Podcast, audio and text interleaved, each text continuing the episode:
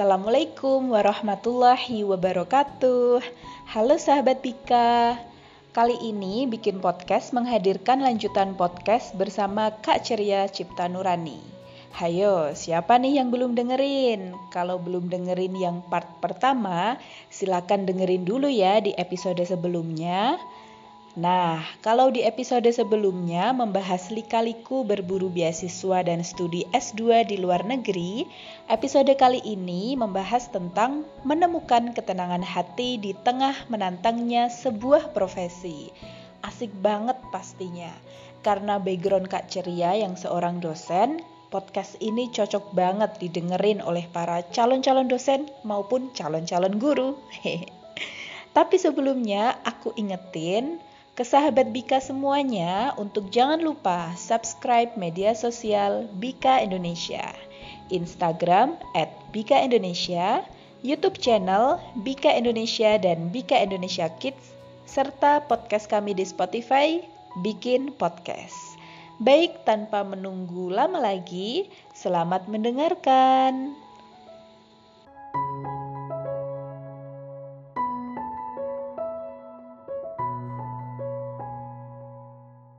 Kita lanjut untuk membahas soal karir nih. Mungkin teman-teman di sini hmm. banyak sebenarnya yang teman-temanku yang bercita-cita juga sebagai jadi dosen, dosen. Oh, jadi wow. dosen, sebagai pendidik lah pendidik Hmm. dan mungkin banyak sekali pilihannya menjadi pendidik di uh, sekolah dasar, sekolah menengah ataupun di perguruan tinggi atau bahkan sekarang juga banyak menjadi pendidik-pendidik di uh, sekolah-sekolah alam, sekolah-sekolah daerah gitu. Ah, Kayaknya iya, banyak iya, banget. betul. Nah, mengapa akhirnya pilihan Mbak Ria itu jatuh menjadi pendidik gitu dan spesifiknya sebagai dosen? Oke, hmm, apa ya? Kayaknya kalau ini alasannya umum banget ya kayak gini ya. Tapi memang itu sih, itu benar sih. Jadi aku mau jawab kayak aku suka eh, ngajar ngajarin orang dan Hmm. sharing kayak ilmu pengetahuan gitu loh. Rasanya tuh kayak ketika kita sharing sesuatu, maksudnya informasi yang bermanfaat ke orang lain dan itu berguna, Mhm. itu tuh ada kepuasan gitu loh gimana ya ya kayak gitu kayak itu tuh cuman kita yang bisa tahu tuh kita gitu Iya. Eh, ketika kamu melakukan hal yang kamu suka tuh pasti ada rasa puas yang itu nggak bisa dideskripsiin ya Mhm. mungkin Mahira juga pernah ya ketika ngajar. ngelakuin sesuatu yang memang passionmu Iya, iya. gitu ya walaupun misalnya misalnya itu tuh susah atau misalnya Ah, misalnya kayak Eh, lari 5 kilo gitu. Mungkin iya, orang-orang nggak merasa itu enak, menyenangkan eh, tapi, tapi habis itu tuh kayak kita dapet kepuasan iya. yang itu nggak bisa kita deskripsikan lah ya pokoknya puas aja gitu Mhm. nah itu sih gitu jadi basicnya sih aku suka suka itu suka belajar, suka mengajar. kalau suka belajar ya pasti iya, kayaknya iya deh. eh, mungkin dulu iya tapi semakin ke sini kok Makin hmm, dipertanyakan Semakin jarang waktu untuk membaca. nah itu dia ya padahal harusnya gitu apa harusnya itu malah makin ini ya kalau eh, apalagi profesinya dosen kan harus Ah, ah. upgrade terus Iya, ya benar-benar. Nah, kayak ilmunya jangan sampai kayak 10 tahun yang lalu masih tak ajarin Iya. ke mahasiswaku gitu kan nggak relevan ya Mhm. itu sih kalau sekarang jadinya malah kayak jadi tuntutan ya Iya, Kalau di udah mau nggak mau kan. Tapi kalau dari dulu sih mungkin aku suka proses itu, prosesnya gitu. Nggak tahu kenapa sih, mungkin rada aneh juga nggak tahu sih. Cuma ya itu. Terus habis itu pas kecil tuh pengen jadi guru memang. Oh, Pas aku kecil itu aku pengen jadi guru. itu sedikit sebenarnya yang pengen jadi guru. Kalau di di kelasku dulu ya di anak-anak Ah. SD tuh pilihan jadi guru tuh pilihan Sedikit. yang dipilih oleh sedikit siswa. Nah iya memang nggak banyak ya. Iya, Cuma nggak tahu kenapa ya. Dulu aku pengen jadi guru aja gitu. Pengen ngajarin anak-anak tuh enak gitu. iya. Kan. Terus tapi dulu sempet pas mau kuliah S1 tuh mau ngambil pendidikan Mhm. gitu. Jadi kalau guru kan memang harus pendidikan ya. Mhm. Tapi entah kenapa bagaimana jalannya tiba-tiba nggak dapat pendidikan tapi malah ke ilmu murni ya, Ilmu ke gizi. ilmu gizi UGM. gitu. Dan itu pun nggak ada planning sama sekali mau Mhm. masuk ke situ. Tapi ya namanya juga kayaknya udah takdir ya. Iya. Akhirnya Akhirnya kecemplung juga. gitu loh, Iya. kecemplung di situ.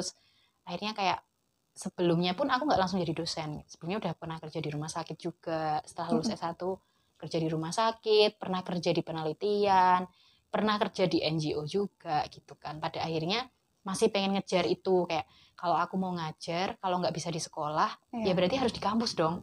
Iya. Ya kan? Dia harus jadi dosen dong ya. Kalau jadi kalau mau jadi dosen harus S2 ya makanya dari situ. Oh. dulu aku ya udahlah S2.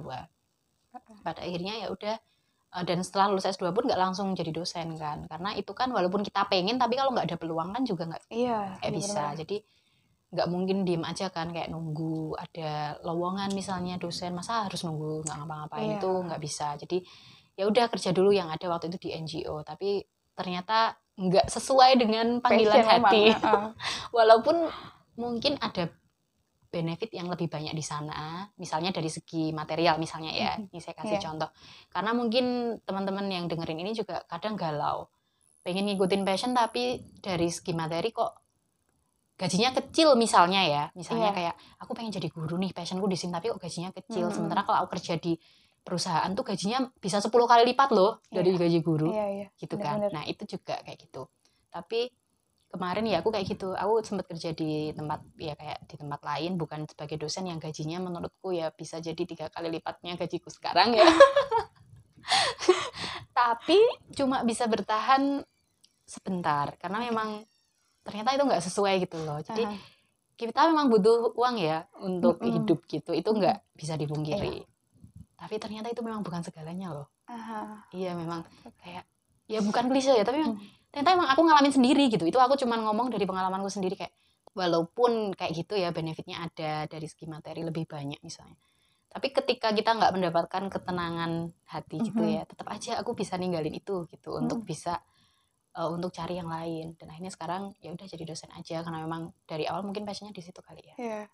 Iya Oh. sih mungkin sesimpel itu sih Iya. alasanku Tapi Mbak ini berarti aku lihat konsisten loh dari per- dari kecil guru terus Mm-mm. eh, gimana kehidupan Mbak Mbak tapi tetap aja Akhirnya ke situ ya? dan memang passionnya di situ. Iya nggak tahu juga Ah. mungkin memang ketika ada kemauan ada jalan kali ya Iya, iya. ah, ah, mungkin itu betul gitu, kali ya betul, betul. ya jalan orang beda-beda tapi kembali lagi kan kita yang nyetir kayak kita mau ke mana sebetulnya. Gitu. Di usia-usia saya gitu ya di umur-umur 20 ya krisis berapa tahun itu Mbak? Quarter life crisis tuh 25 ya 25, 24 yang bahkan ya lulus S1 lah, S1 21 lebih itu kan pasti 2 sampai 25-an lah ya. Eh, itu mikirnya tuh udah kayak yang banyak banget loh Mbak. kayak pertimbangan ya itu tadi materi terus juga gimana bisa bagi waktu gimana nanti kayak ketenangan hatinya juga apakah Hmm. ini tuh aku bisa bermanfaat bagi orang lain terus menyenangkan diriku juga nah kayak gitu-gitu kadang bikin yang anak-anak sepantaran saya gini tuh kayak galau jadi ini punya banyak aku tua pilihan. banget ya enggak sih Mbak enggak enggak bercanda Enggak, guys kalau kalian lihat aku sama Mbak Ria ini nggak beda jauh, nggak beda sama sekali. ya oke skip Udah, aja gitu, itu skip. Terus ya itu, jadi gimana Mbak akhirnya tetap konsisten tuh Mbak? Sadar nggak kalau itu konsisten atau memang ya udah jalannya Oke, kayak gitu? eh, paham sih itu ya. Maksudnya kayak quarter life crisis ya. Heeh. Kayak kita bertanya-tanya, kita mau ngapain sih Iya. sebetulnya? Terus kayak bingung. Belum ngelakuin tapi udah banyak yang dipikirin. Iya. Itu aku juga dulu maksudnya tetap ada juga di fase itu ya. Ketika bingung maksudnya belum melakukan tapi kita udah pertimbangannya Mm-mm. udah A sampai Z. Padahal belum ada yang dilakukan gitu. Mm-mm. Nah, itu bisa jadi eh, apa ya? Malah bisa jadi hambatan sih sebetulnya Iya, buat kita banget. ya. Tapi itu kan memang kadang secara alami itu muncul ya pikiran-pikiran itu ketika masa-masa kayak kita baru aja lulus S1, mau cari kerja tuh pasti pertimbangannya banyak banget. Maksudnya em, kayak kita masih milih-milih, Iya. aku mau kerja apa gitu. Padahal belum tentu yang kamu pilih itu mau milih kamu Iya, gitu kan. Kayak ya udah, menurutku sih aku nggak bisa ngasih nasihat apa-apa ya. Kayak karena ya siapa gitu yang ngasih nasihat gitu. Cuma kalau aku sih lihat fakta aja. Lihat fakta aja gitu. Sekarang tuh angkatan kerja berapa sih jumlahnya? Terus Hmm. kesempatan bekerja kalau kamu nggak menciptakan lapangan kerja sendiri, itu satu banding berapa gitu Iya. antara kesempatan kerja sama eh, jumlah pencari kerja. Kamu bisa googling deh satu banding berapa sekarang gitu kan. Nah, kalau kayak gitu terus kamu masih milih-milih, Mhm. masih mikir pertimbangan A sampai Z Iya. sebelum benar-benar ngelakuin, ya ya gimana gitu kan. Maksudnya kayak ya kamu milih terus sampai sampai apa yang kamu pengenin perfect Mm-mm. seperfect yang kamu mau itu dapat. Kalau enggak gimana? Kan kita kayak harus punya plan A sampai plan A B C ya Iya, iya. gitu. Jadi ya boleh kayak masih idealis itu ya memang perlu kayak mau ngejar passion dulu di awal. Itu memang itu kadang dibutuhkan sih kayak gitu. Cuma kita juga lihat peluangnya. Mhm. Kalau memang ada ya kejar itu. Tapi kalau kok dilihat nggak ada misalnya ya, terus sementara di situ ada kesempatan lain yang mungkin itu malah memberikan jalan yang beda gitu loh Hmm. Nah, coba aja kalau aku Iya. sih gitu Iya. selama ini mungkin tadi Mahira bilang kok kayak konsisten ya pada akhirnya tetap konsisten ya padahal se- sebelumnya tetap pernah ke mana-mana kan? eh, iya. Dan malah ke mana-mana itu aku lihat malah jadi membuat yang apa ya yang sekarang mbak lakukan sebagai dosen tuh menjadi apa ya membuat diri mbak lebih kaya gitu loh. Jadi kayak Ah, oh iya ya, aku jadi juga ada pengalaman ah, ada kan pengalaman yang di bidang praktisi. Hmm, nah itu karena dulu prinsipku gitu mana yang ada dulu tak ambil Mhm. aku dulu gitu jadi walaupun mungkin pas kecil pengen jadi guru ya tapi ketika lulus S1 yang lapangan kerja yang ada itu jadi praktisi jadi ahli gizi di Mm-mm. rumah sakit ya udah tak coba gitu karena itu ya sesuai dengan kompetensiku ya kenapa enggak kan Mhm. itu jadi dari dulu aku tuh prinsipnya mana yang datang dulu tak ambil Mm-mm. gitu Ya jangan nunggu sampai jangan nunggu sampai yang benar-benar iya. kamu pengenin perfect datang, ha. 100% sama seperti yang kamu pengen datang baru kamu ambil Iya. ya itu nanti kamu bisa aja ngelewatin kesempatan lain yang sebenarnya itu ada Aha. cuman kamu karena terlalu fokus sama satu hal jadi nggak lihat yang Betul betul betul. yang lain-lain itu loh Ini menguatkan sih, Mbak. Saya aku Kayak juga gitu sih. lagi di masa itu terus aku Hmm. karena bingung di beberapa cita-cita kan kayak Iya. semakin terbuka oh ada ini juga bagus ya ini juga bagus tapi pada akhirnya tetap menetapkan satu cita-cita tapi tidak menutup Mm-mm. kesempatan yang lainnya karena Iya. itu kan nanti malah jadi bisa jadi Ya, jalan ya ke betul. sana. jadi gitu aja sih kalau aku sih. Mm-mm. kayak ya udah yang ada dijalani Iya. nggak usah banyak komplain nggak usah banyak mikir dulu gitu ya bagus ini tapi mungkin nggak semua orang bisa uh, seperti itu ya mungkin ada yang kekeh dengan kalau nggak ini nggak itu ya Iya, ya nggak apa-apa gitu itu kembali lagi itu pilihan masing-masing sih cara orang beda-beda cara mungkin. orang kan beda-beda ya jadi ya ya nggak apa-apa nggak apa-apa juga nggak ada yang salah Mm-mm. semuanya bisa Uh, Oke. kalau aku sih ngelihatnya ya tergantung uh, perspektif kita lihatnya dari mana aja sih Mm-mm. nggak Eh, akan dan- nyalain juga yang lain soal menjadi dosen itu kan kebanyakan orang ya yang kami lah yang sebagai mahasiswa ini biasanya melihat ah dosen kok sumpah banget bagi saya perempuan sudah berkeluarga sudah Mm-mm. kadang juga menjadi tapi bukan hanya mengajar toh tapi Mm-mm. menjadi Mm-mm. apa ya kayak ketua di jurusannya atau di departemen lain di kampus itu jadi kalau nggak salah di kampus itu ada namanya Tridharma ya. Tridharma Hmm, perguruan hmm, tinggi. betul. isinya pendidikan penelitian sama pengembangan. Pengabdian masyarakat. Apa ya peng pengabdian masyarakat? Iya, udah betul. kebanyakan keren di pengembangan. Nah itu. Justru aku malah nggak tahu dulu Tridharma apa. Taunya baru pas jadi dosen. Dosenku saya sering ngomong mbak. Oh gitu ya? Jadi ini Maira oh, malah iya. udah lebih tahu. Kami yang di luar ini melihatnya sangat sibuk gitu loh Mm. ya menantang quite demanding lah pokoknya. Betul. Uh, gimana sebenarnya gimana rasanya? Yang mbak sudah rasakan sekarang terus handle kesibukan yang kayak gitu. Terus kan masih juga harus jaga kesehatan lah. Ada bisa harus nyenengin juga komunikasi sama teman-teman main. Nah, gimana mbak itu betul. Yang tadi dibilang itu saya tidak bisa menyangkal. Maksudnya dosen itu sibuk. Iya betul. Iya memang betul. Jadi mm, setelah menjalani sendiri ya walaupun masih ya ibaratnya saya masih kasta terendah di dunia perdosenan karena ada jenjang ya kan ada Iya. jenjang karirnya Uh-uh. dan sebagainya karena saya masih baru gitu Em, iya ternyata memang sangat sibuk sekali sampai kadang tuh berasa 24 jam tuh nggak cukup gitu Ah. Hmm, karena tadi betul ya kita tuh nggak cuma ngajar aja di kampus di balik itu banyak banget yang harus dilakuin Ah. termasuk pekerjaan menyiapkan materi, mengoreksi Hmm. soal, membuat soal dan segala macamnya yang merupakan perintilan pengajaran. iya Itu sendiri tuh sudah sangat banyak Nyita waktu. pekerjaannya gitu ya yang di belakang layar. Sebelum kita nerangin ke mahasiswa nih, Iyalah. itu banyak banget udahan Iya. kerjaan yang kita lakukan di belakang dan setelahnya. Itu gampangannya aja ya. Belum lagi memang Tridharma kan ada penelitian sama pengabdian masyarakat dan itu dalam satu semester itu kita harus melakukan tiga-tiganya dan Oh. ada ketentuan dosen itu harus melakukan berapa kredit dalam satu semester tiga-tiganya harus terpenuhi kalau misalnya tidak ya nanti bisa di- jadi bahan evaluasi kinerja kan karena Hmm. tidak memen- Oke. memenuhi kreditnya ibaratnya seperti itu jadi kita tuh setiap semester ada targetnya Mm. kerja tapi selain itu selain Tridharma sendiri tadi benar banget kayak kita masih ngurusin kepanitiaan kegiatan A B C di Iya. kampus habis itu belum lagi kita nanti di kerja ada kerjasama sama misalnya lembaga pemerintah ngurusin program pemerintah apa segala macam ya kayak gitu contohnya yang sekarang kayak eh, ini kan mungkin pernah dengar stunting isu stunting iya ya itu karena sekarang baru banget. digencar-gencarkan banget. Nah itu kan karena aku di prodi gizi jadi juga ada program terkait itu dengan misalnya kayak BKKBN dan lain-lain. Jadi di balik kegiatan yang kita lakukan di kampus tuh banyak banget memang. Jadi Hmm. kalau dibilang sibuk betul Iya. sekali.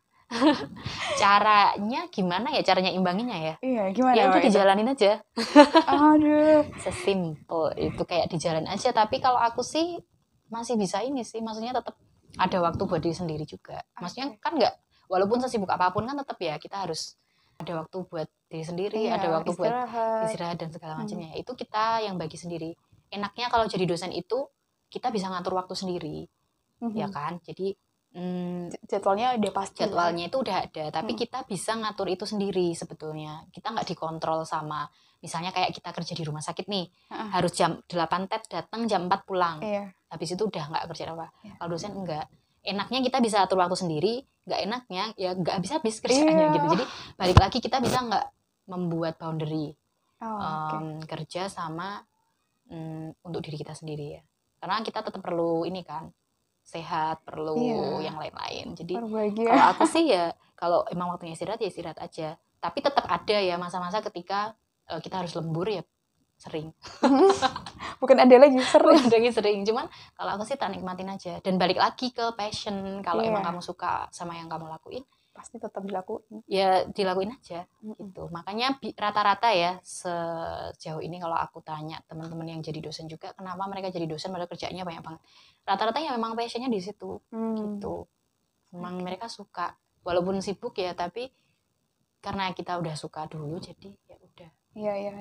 Dari si passion ya. Passion dan pintar-pintar bagi waktu. ya, Iya kan, ya, kadang mm, ya nggak bosen sih jadi Iya. dosen karena kerjanya kadang kayak beda-beda ketemu mahasiswa yang Ya, unik-unik Iya. ketemu mahasiswa yang A sampai Z gitu ya itu kadang kadang ya lucu maksudnya kadang jadi hiburan juga jadi ya Iya, udahlah, benar-benar. dijalani aja Heeh.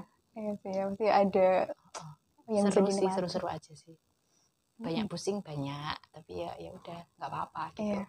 Oh, Iya. itu wajar Ah, semua pekerjaan pasti ada pusing-pusingnya ah, ah. aku baru membayangkan mungkin dosen-dosenku juga berpikiran seperti itu ya yang beliau juga kadang tuh kan mungkin kalau di rumah sakit ya pulangnya jam 8 sampai jam 4 tapi kan kalau dosen mungkin bisa jadi ada bisa ada seminar habis itu. Mm-mm. sampai malam. Ya iya malam-malam kayak gini dihubungin bu saya butuh ini bu bimbingan. Iya, ya gitu. Melayani memang ya. Iya iya, Mm, bahkan ada. Kalau aku sih kadang masih ngasih boundary ya sama mahasiswaku. Pernah bilang, e, dek kalian boleh bimbingan sama saya menjadwalkan kapan aja, kecuali hari Minggu kayak gitu. Hmm. Jadi kalau Minggu beneran nggak mau Iya. saya. Maksudnya itu kan memang hak kita ya Iya, untuk harus. membuat boundary seperti itu. Jadi ya kayak gitu. Tapi ada juga dosen yang luar biasa banget kayak berapa kapan pun itu dilayani ya Oh, ada. iya, benar-benar. Tergantung dosennya ya. Jadi Ah, ah. beda-beda lah. Tergantung karakter kita masing-masing. iya dan gimana bagi waktunya Heeh. kadang ada juga yang batasin jamnya. Ada dosenku yang pasti kalau mau hubungi ya jam 9 sampai jam 4 tok Iya boleh. betul. Kayak gitu juga harus di tetap dihargain sih. Iya. maksudnya apalagi kalau misalnya sudah ngurusin banyak hal ya. Iya. capek loh kalau misalnya malam-malam kadang kadang memang misalnya mahasiswa ada yang nge- nge- ngehubungin malam-malam gitu ya itu kadang kita juga males mau ngerespon kalau udah capek seharian dan itu manusiawi kan. Iya. Gitu kita tuh ya manusia juga kan jadi nggak Mm-mm. bisa 24 jam on juga. Iya benar. mahasiswanya juga harus kayak ini sih kalau mau Paham. menghubungi atau apa mungkin lebih aman kalau di jam kerja masih Mm-mm. siang gitu. Karena juga butuh istirahat ya kan iya tapi itu tergantung sama dosennya juga sih ada yang nggak keberatan juga malam-malam. Itu ini sih pengabdian iya memang pengabdian itu ya pendidikan penelitian luar biasa sih pengabdian. ya eh, sama yang bisa kayak gitu Iya. Eh, selalu kapan aja oke gitu Heeh. ya tapi mungkin eh, tidak semuanya bisa seperti Iya. itu Em, Mbak Ria ini kan ya yang tadi aku tadi bilang teman-teman jadi masih sangat muda gitu mungkin nggak akan tahu bedanya kalau sama aku kayaknya emang nggak terlalu jauh sih mbak ya Nggak masih sama-sama banget. 20-an lah ya Iya masih 20-an nggak Iya. berapa nggak jauh guys. Gimana mbak rasanya di umur yang mbak masih muda ya? Gimana mbak beradaptasi dengan dinamika pekerjaan yang segitu sibuknya? Terus juga eh, gimana mbak akhirnya ya itu beradaptasi dengan mahasiswa-mahasiswa mbak yang ya mesti tampaknya masih sangat inilah ya sangat seumuran. Hmm, kayak gitu ada plus minusnya sih. Aha. Ketika misalnya jarak umur ya berarti ya Mm-mm. jarak umur kita sama dosen sama mahasiswanya nggak terlalu jauh misalnya. Eh, di satu sisi kadang kita jadi ya lebih bisa lebih deket gitu Iya, sama benar. mahasiswanya ya dan mahasiswanya mungkin mereka jadi nggak ngerasa ada batasan karena Mhm. jarak umur yang terlalu jauh kan jadi lebih mungkin mereka lebih tidak apa sungkan ketika ingin bertanya atau apa pun itu Mhm. itu mungkin itu jadi salah satu nilai apa ya positifnya tapi itu tidak semua kayak gitu sih kembali lagi ke karakter Iya. masing-masing tapi nggak mungkin minusnya ya Emang minusnya. Berarti pernah dipanggil Apa mas. ya? kalau tadi Abah Mahira mau mau bilang apa Ini belum tahu emang ya, karena belum tahu kalau dosennya jadi nganggap mbak temannya. Ya nggak Oh, pernah. hmm, em, ini nanti kalau ada mahasiswa saya mendengarkan gimana? Pede banget ya. ini sih eh, mungkin jadi ketika kadang jadi agak apa ya, agak blur gitu batasnya ya. Jadi Iya. hmm, mungkin karena mungkin terlalu santai atau gimana gitu ya. Kadang-kadang jadi eh, nggak ada kurang rada sungkan misalnya ngehubungin sesimpel ini misalnya ngehubungin lewat WA terus bahasanya nggak baku Mm-mm. padahal kan tetap ya ada Tetap etika iya, ya iya, harus. gitu jadi pakai bahasa kayak ngobrol sama temennya sendiri Mhm. jadi misalnya "Eh, ini boleh nggak bu gitu misalnya ya Oh, terlalu misalnya nggak iya nggak iya. pakai bahasa formal ya misalnya saya bahkan ada yang pernah ada yang ngechat saya itu aku gitu. Oh. bu aku tapi nggak ini misalnya kayak gitu. Itu ngechat sama dosennya gitu ya. Ya kayak gitu aja sih. Cuman kalau untuk saya pribadi eh, kalau kayak gitu biasanya mungkin kalau ketemu anaknya atau lewat WA gitu cuman tak ingetin sih. Eh dek kalau misalnya ngehubungin dosennya lebih baik pakai bahasa yang baku ya gitu nggak cuman sama saya aja maksudnya Hmm. sama semua Semua, orang iya. baik itu dosen maupun tendik di Ya kampus belum kenal lah harusnya. Iya, maksudnya sama orang yang lebih tua Iya. gitu yang itu di lingkungan kampus ya usahakan tetap pakai ini. Walaupun sebenarnya aku nggak masalah ketika mereka nggak manggil bu, misalnya mbak gitu nggak apa-apa. Aku Hmm. kalau kayak gitu aku nggak apa-apa sih, nggak nggak jadi masalah gitu. Malah nggak apa-apa gitu. Malah nggak apa. Nggak apa-apa. Mereka bu. manggil mbak nggak apa-apa. Nggak harus pakai, nggak harus bu gitu nggak apa-apa. Eh, tapi tetap tetap ada batasan ya. Iya. Kita tetap juga nggak boleh ke terlalu Iya, santai benar-benar. juga. Jadi ya itu sih paling yang paling sering kejadian kayak gitu sih nge ngehubungin lewat WA tapi kayak ngechat sama temen Mhm. Iya, terus itu. kadang ya mungkin ada beberapa yang kayak memburu-buru gitu ya Hmm. misalnya Iya. ada kayak gitu itu sih Ah, ah. mungkin Ya, itu aja sih kalau sejauh ini sih nggak nggak ada masalah sih yang serius gitu Iya nggak pernah ada yang Nggak. kayak sampai jadi apa ya terlalu mbak sangat marah gitu. nggak nggak ya. ada soalnya aku juga kalau cuman sepele-sepele gitu tak nggak tak iniin Nggak usah dipikirin. enggak ya pekerjaannya tuh banyak jadi Iya. nggak usah nambah-nambah gitu marah tuh buka, butuh energi yang banyak juga. iya kalau usah. hal yang sepele tuh nggak usah di terlalu di ini sih Iya. Ah, ah. Aku pernah sedikit meneng- menengok kelasnya Mbak eh, Ceria nih jadinya Hmm. dan aku bisa menyimpulkan kayaknya Mbak Ceria ini bakal jadi dosen favorit Aduh. karena karena nggak tahu juga sih apa ya kondusif menurutku Mbak kondusif. Dan itu tadi poinnya yang jadi mahasiswa tuh nggak malu untuk bertanya. Hmm. biasanya kasih kesempatan juga kan Mbak untuk teman-teman yang lainnya yang mungkin Mm-mm. tahu terus dia mau ngasih tahu juga. Jadi merasa uh, sebagai mahasiswa tuh merasa uh, ada peran gitu di situ nggak cuma sebagai objek yang dikasih Mm, terus. mm, mm, mm, betul betul. Kayak yang kayaknya kurikulum 13 kan seperti itu ya ininya. Uh, poinnya tuh supaya student centered gitu. Iya student Jadi- centered ya selain mempunyai ijazah S2 ya Mm-mm. sebagai dosen tuh apa aja persyaratannya? Kalau mau jadi dosen? Ah, eh, yang paling basic S2 ya. Iya. maksudnya punya eh, kompetensi S2 karena memang minimal kan S2 tuh. Bahkan sekarang kalau mau jadi dosen tuh harus S3 malahan. Maksudnya oh, iya, harus lanjut harus lanjut S3 mau nggak Oke. mau ya itu mungkin beberapa tahun lagi mungkin itu bahkan akan menjadi syarat Aha, untuk menjadi dosen nggak boleh S2 lagi harus S3 gitu. Itu yang mungkin kalau ini ada teman-teman yang pengen jadi dosen harus disiapkan dari sekarang. Hmm. kalian harus update juga dengan peraturan-peraturan menteri pendidikan tinggi ya. Maksudnya menteri pendidikan terus itu yang bagian dikti Iya. pendidikan tinggi. Karena ada wacana itu jadi dosen tuh mulai semuanya harus S3 Mhm. gitu. Selain eh, kalau mau jadi dosen sih persyaratannya mungkin secara umum ya. Ijazah yang sesuai dengan keahlian Mhm. dan biasanya sekarang itu kampus itu nyarinya yang jurusannya itu linear oh iya gitu. Jadi Oke. misalnya nih tempatku jurusan gizi, ya ny- nyarinya yang S1-nya gizi, S2-nya juga gizi dan i- bidang ilmu serumpunnya. Hmm. Nggak mungkin dong kalau misalnya S1-nya gizi, S2-nya ngambil antropologi gitu. Hmm. Mungkin agak ya masih agak nyambung tapi mungkin nggak nggak banyak dicari. Iya, karena tidak mendalami hal yang Ah, sama. Jadi banyak kampus yang akan lebih milih orang yang punya kompetensi yang linear dari Hmm. S1-nya sampai S2-nya sampai S3-nya gitu. Jadi itu juga penting sih kalau Iya. mau jadi dosen itu sebelum kalian mau lanjut S2 harus dipikirkan. Kalau memang goalnya jadi dosen, pilihlah jurusan yang linear Mhm. supaya ke depannya nggak ada kendala di situ. Gitu. Terus apa lagi ya? Atau mungkin yang menjadi nilai plus gitu Pak, yang kayaknya yang akan Pengalaman. punya, Riset dan publikasi. Karena itu sangat-sangat dibutuhkan ketika menjadi seorang dosen. Ah, penelitian dan publikasi. Tuh, ada minimal kayak apa ya Q1, Q2 atau yang di nggak ada Indonesia secara tertulis Hmm. rule-nya, cuma kalau udah punya publikasi dan itu lebih semakin tinggi grade jurnalnya akan semakin banyak besar chance-nya. Ah, iya. Dan nggak ada salahnya juga kita eh, kayak punya rekomendasi Hmm. gitu. Bukan artinya orang dalam ya. Jujur saja saya nggak ada orang dalam. No orang dalam. Tapi kita juga tidak bisa menutup mata bahwa memang ada fakta itu. Iya. Ya kan? Iya, karena relasi mungkin ya Betul. maksudnya. Iya, betul. Jadi kita punya networking penting Hmm. gitu. Ketika mm, menjadi dosen, kalau aku kemarin yang tak jual dari diriku, ya networkingku gitu karena di pas kuliah S2 kebetulan ya kenal banyak orang. Jadi ada networking, ada janji-janji, bukan janji-janji sih. Ada hal-hal yang bisa kita tawarkan Mhm. ketika interview. Jadi misalnya kayak kamu kalau diterima di dosen mau ngapain, mau berkontribusi apa di sini, gitu kan? Ya misalnya salah satunya eh, saya bisa ikut mengembangkan kerjasamanya nih Ah, sama kampus iya. ini karena saya udah ada Aha. prof di sini misalnya kayak gitu. Jadi networking. Selain networking, pengalaman riset sama tadi penting banget sama apa Publikasi. publikasi.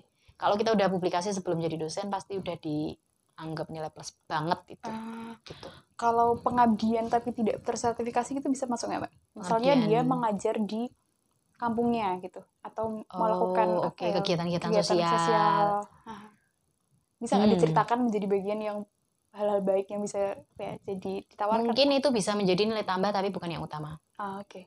Mm-mm. Karena Kalau ya- jadi dosen, mm-mm. karena dosen tuh beneran yang dilihat tuh kemampuan risetmu, Aha. publikasi, networkingnya, terus IPK penting sih IPK Mhm. eh, apa namanya S2-nya, Mm. S1-nya linearitas ilmunya. Oke. Nah, Gitu. ya. Dan kalau mau jadi dosen itu ada tes micro teachingnya. Oh ya harus bisa. Ya, jadi kita harus bisa nunjukin kalau kita bisa ngajar Iya. gitu. Ya wajar kalau untuk menjadi pengajar biasanya ada tes ada micro teaching kan pasti kan. Iya, Nah, ada. guru pun ada nggak sih? Iya, ada. Jadi dosen juga ada micro teachingnya dan Hmm. oh iya satu lagi kemampuan bahasa Inggris. Ah, udah jadi nilai Itu, mutlak itu kayaknya. Eh, Sekarang. usahain kalau emang targetnya jadi dosen kalian punya TOEFL atau IELTS yang masih berlaku pas Ah. daftar. Jadi bisa ditunjukin skor saya segini. Ah, Karena sekarang kampus-kampus tuh tujuannya bukan nasional lagi loh Iya, mereka. eh, karena bah- bahasa Inggris tuh udah kayak harus bisa Mm, mm, gitu. Jadi kalau Iya. itu udah bisa ya udah syarat-syarat minimal tuh udah terpenuhi. Oke, wah, berarti Tinggal luck apa enggak gitu ya Iya, dipilih apa enggak sama kampusnya. Ah, ah, karena ada nilai luck itu juga. Iya, ya pasti ada itu tuh Ah, nggak ah. dipungkiri ada. Itu dia nggak mesti kalau nggak lolos satu kali daftar jadi dosen terus menyerah terus Hmm. pikir dirinya nggak Karena kompeten kita gitu. nggak tahu Iya. pertimbangan apa yang dipakai oleh kampus untuk merekrut dosen. Ah, Itu jujur kita nggak bisa tahu itu. Oke. Gitu. Jadi Mbak sampai akhirnya keterima itu kan mesti juga nggak sendirian kan Mbak ada teman-teman yang yang juga Iya. daftar kan. Heeh. Dan belum bisa apa ya menilai apa bedanya aku dengan yang lain. ya. Iya nggak bisa dan nggak bisa kenapa aku juga sebelumnya pernah ditolak juga. Maksudnya aku jadi dosen pun aku apply nggak yang satu kali langsung Ah. keterima. Pernah apply di kampus lain dan ditolak juga. Aha. Gitu. Jadi jangan merasa kita tuh udah well enough, good Aha. enough gitu ya. Tetap harus lihat itu sih. harus lihat dan Karena di luar sana juga banyak gitu loh yang kemampuannya sama Iya. bahkan lebih gitu. Ah, ah, ah, Yang lebih dari kita tuh banyak iya. gitu. Jadi ya ada faktor luck juga di situ. Tapi Iya. harus ada usaha juga sih. Usaha dan doa. Iya betul.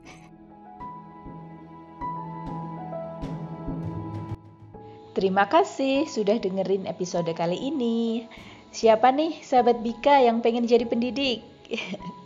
Semoga kalian bisa dapat inspirasi ya dari episode kali ini. Gimana nih?